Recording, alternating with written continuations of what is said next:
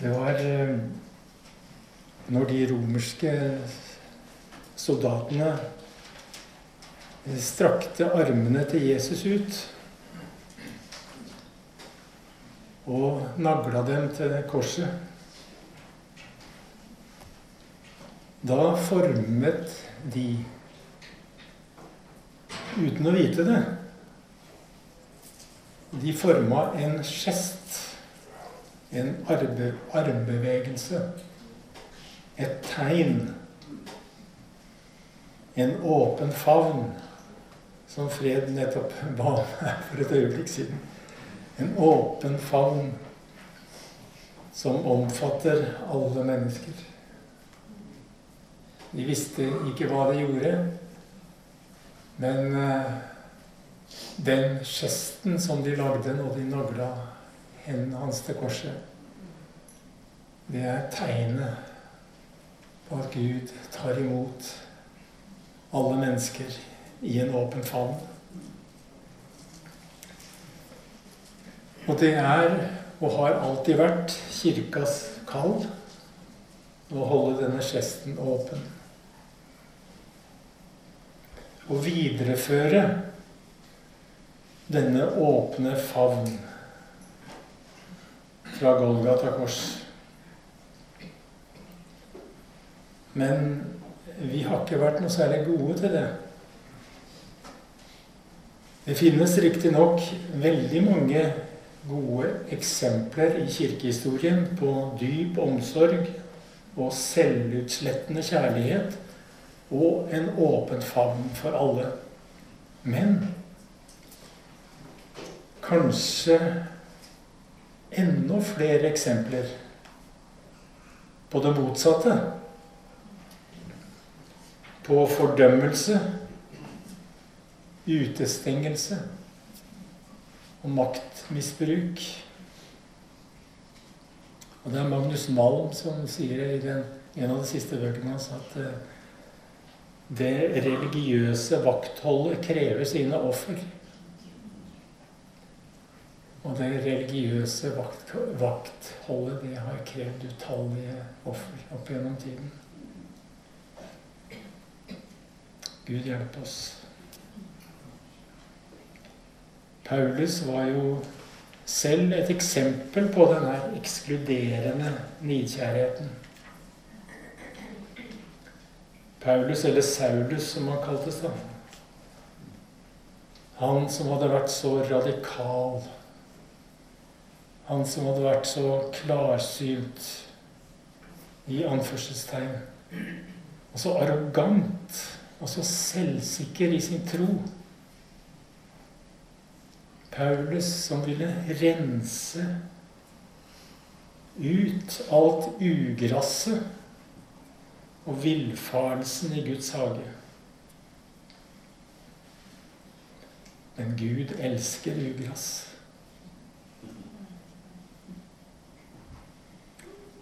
Paulus var med da de steina Stefanus til døde. Han var med når det første martyrblodet rant. Og han trodde han gjorde det rette. Han var sikker i sin sak. Dette måtte han gjøre for å tjene Gud.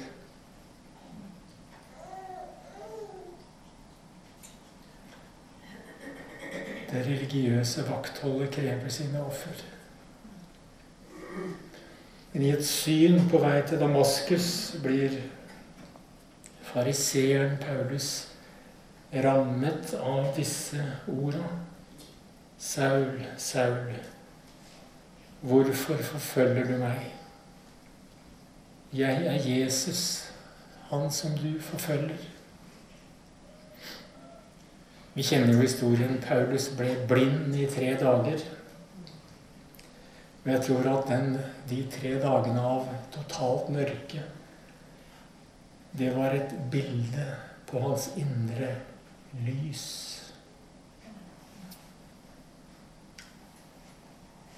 Og når en av den fryktede Jesus-sektens medlemmer legger hendene på Paulus og sier min bror, da blir hans øyne åpna. Så rystet var Paulus, så grusa, at han tok imot veiledning og håndspåleggelse fra en av dem.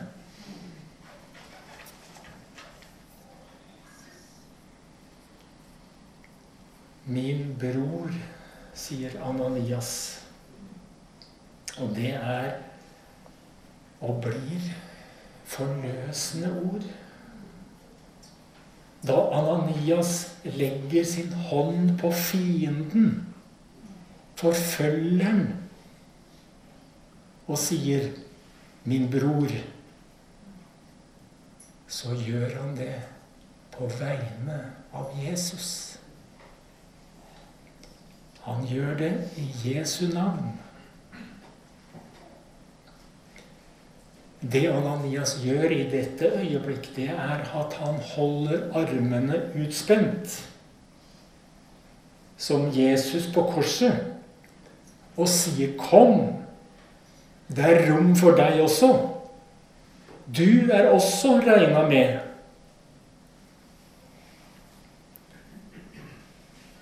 En svensk eh, forfatter som heter Gunell Valkvist.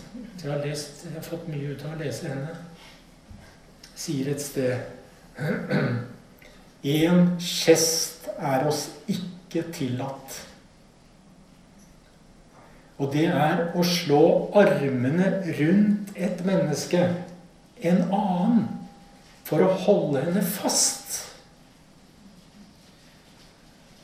Eller rundt vårt eget bryst for å stenge kjærligheten ute. Nei, det er den korsfestedes gest som må bli vår. En vidåpen favn mot alt som lever, og alt som lider. Aldri holde fast, aldri støte bort. Så langt Gunhild Valquist. Og det er åpenbart at Gud trenger noen som Ananias, som ser brødre og søstre der ingen andre legger merke til det, eller som ikke våger å si det.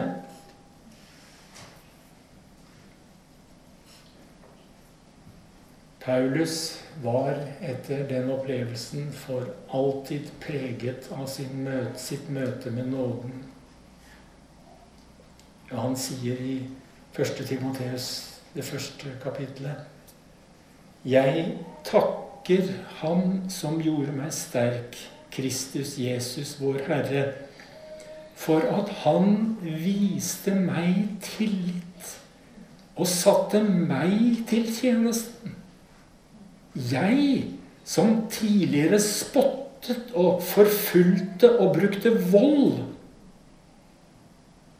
men han var barmhjertig mot meg. For i min vantro visste jeg ikke hva jeg gjorde. Og vår Herrens, vår Herres nåde har vært overstrømmende rik og har gitt meg tro og kjærlighet i Kristus Jesus.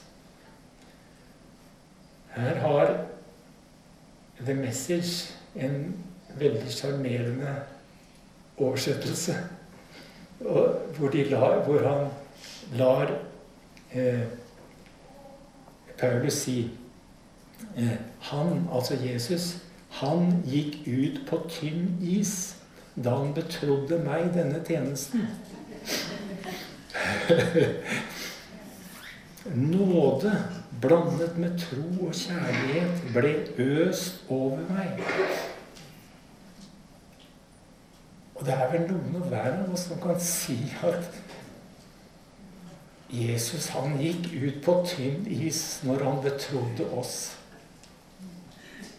vår tjeneste.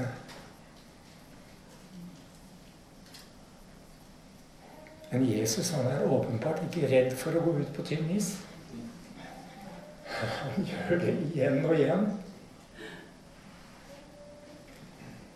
Fariseeren og teologen Paulus han var spesialist på hva Guds ord sa. Og han var spesialist på hva som var rett og galt. Men han var fullstendig uforberedt da Gud ville utvide perspektivet. Nå er budskapet fra apostelen Paulus her er ikke jøde eller greker. Her er ikke slave eller fri, mann eller kvinne. De er alle én i Kristus. Jeg vil si at det er, noe, det er noe av det mest radikale som står i Skriften. Og sannheten er at eh, vi som kirke og som samfunn, vi staver på dette enda. Det er så radikalt at vi har ennå ikke kommet dit. Ikke engang i kirka. Her er det ikke jøde eller greker. Etnisitet betyr ingenting. Her er det ikke slave eller fri. Status og sosial eh, status.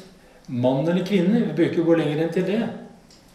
Eh, det er fremdeles i vårt samfunn forskjell på lønninger til menn og kvinner. Vi er ikke radikale nok. Og det er ikke så mange år siden det ikke var åpent for kvinnelige prester heller. Det har tatt lang tid. Og jeg leste i Dagbladet for mange mange år siden, jeg tror det må ha vært på 60-tallet eller noe sånt nå, at det var en journalist som intervjua han pater Halvard Riiber Moen. Noen av dere som er eldre, husker han. En katolsk pater som var en kjent kulturpersonlighet i i, Norge den gangen. Ja, han, eh, Journalisten spurte pater Halvard Ibe om eh, han trodde at den katolske kirke noensinne ville åpne opp for kvinnelige prester. Og da svarte Halvard Ibermoen ja. Og da spør, stiller journalisten et oppfølgingsspørsmål. Og han spør men hvor lenge Hvor når, kom, når blir det? Så svarer Ribermoen ja, sånn omtrent om 300 år.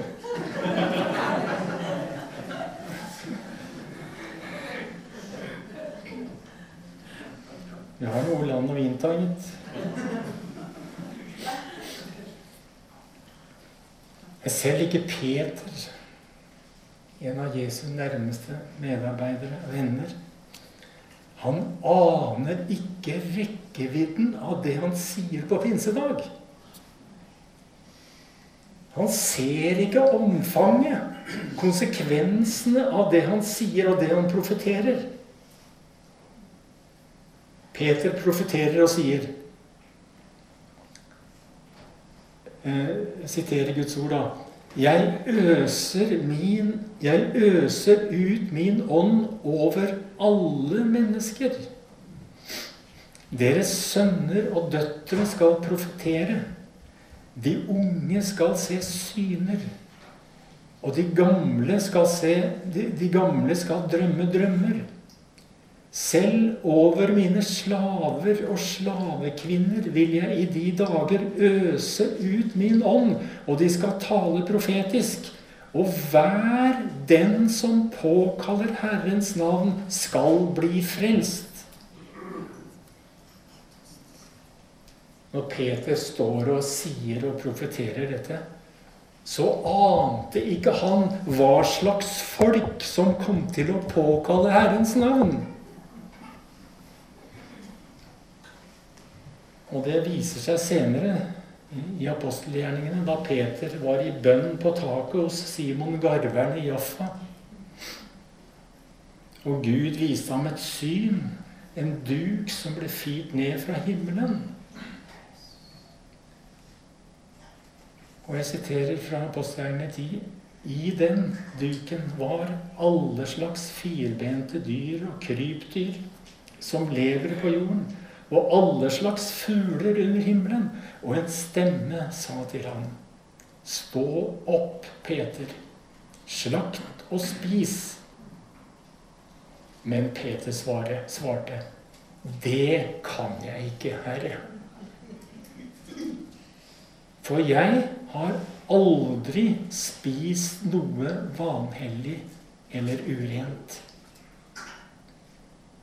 Nå fikk Peter en liten anelse om hvor langt Jesu armer rekker. Og det satt langt inne for denne disippelen. Gud måtte gjenta budskapet tre ganger. Men da bøyde han seg. Og nå kan Peter si, nå kan Peter si, Gud har vist meg at jeg ikke skal kalle noe menneske vanhellig eller urent. Nå forstår jeg virkelig, sier Peter, at Gud ikke gjør forskjell på folk. Det har blitt svelga noen kameler i Jesusbevegelsens historie.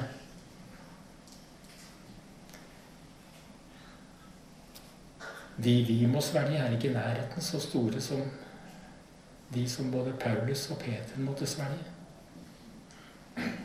Og det ser ut som Det kan i hvert fall se ut som som om det, om det må til når Gud på nytt vil minne sin kirke om gesten på Golgata. Da Peter rekker ut sin hånd i Kornelius' hus og sier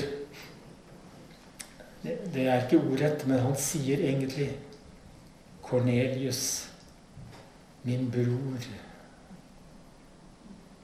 Da gjør han det på vegne av Jesus. Han gjør det i Jesu navn. Han strekker armene ut og tar imot hedningen Kornelius og tar ham inn i favnen. Og vi som utgjør kirka, vi som er Kristi kropp i dag, vi har det samme oppdrag. Og vårt oppdrag er å holde favnen åpen for alle mennesker. Vårt oppdrag er å replikere den gest som Jesus viste oss på Golgata. Og ikke snevre inn, som vi har så lett for å gjøre. Og altfor ofte har vi mislykkes i denne oppgaven. Og vi har falt tilbake i frykt og i religiøst vakthold og i moralisme og utestengelse og arroganse. Og ofte, må jeg med skam si, har de som er utenfor, hatt mer åpen favn og større åpenhet og toleranse og forståelse enn vi i kirka. Vi har noe å lære, og vi må ydmyke oss. Paulus måtte møte veggen før han våkna fra sitt religiøse delirium. Han måtte bli knust. Han måtte bli blind. Han måtte komme hjem til sin fattigdom, til sin blindhet og sin nakenhet. For bare der kunne han se rekkevidden av Guds nåde. Og den gest som Jesus viser på Golgata. Gud vet at vi av og til må kjenne hunger for å forstå verdien av brød.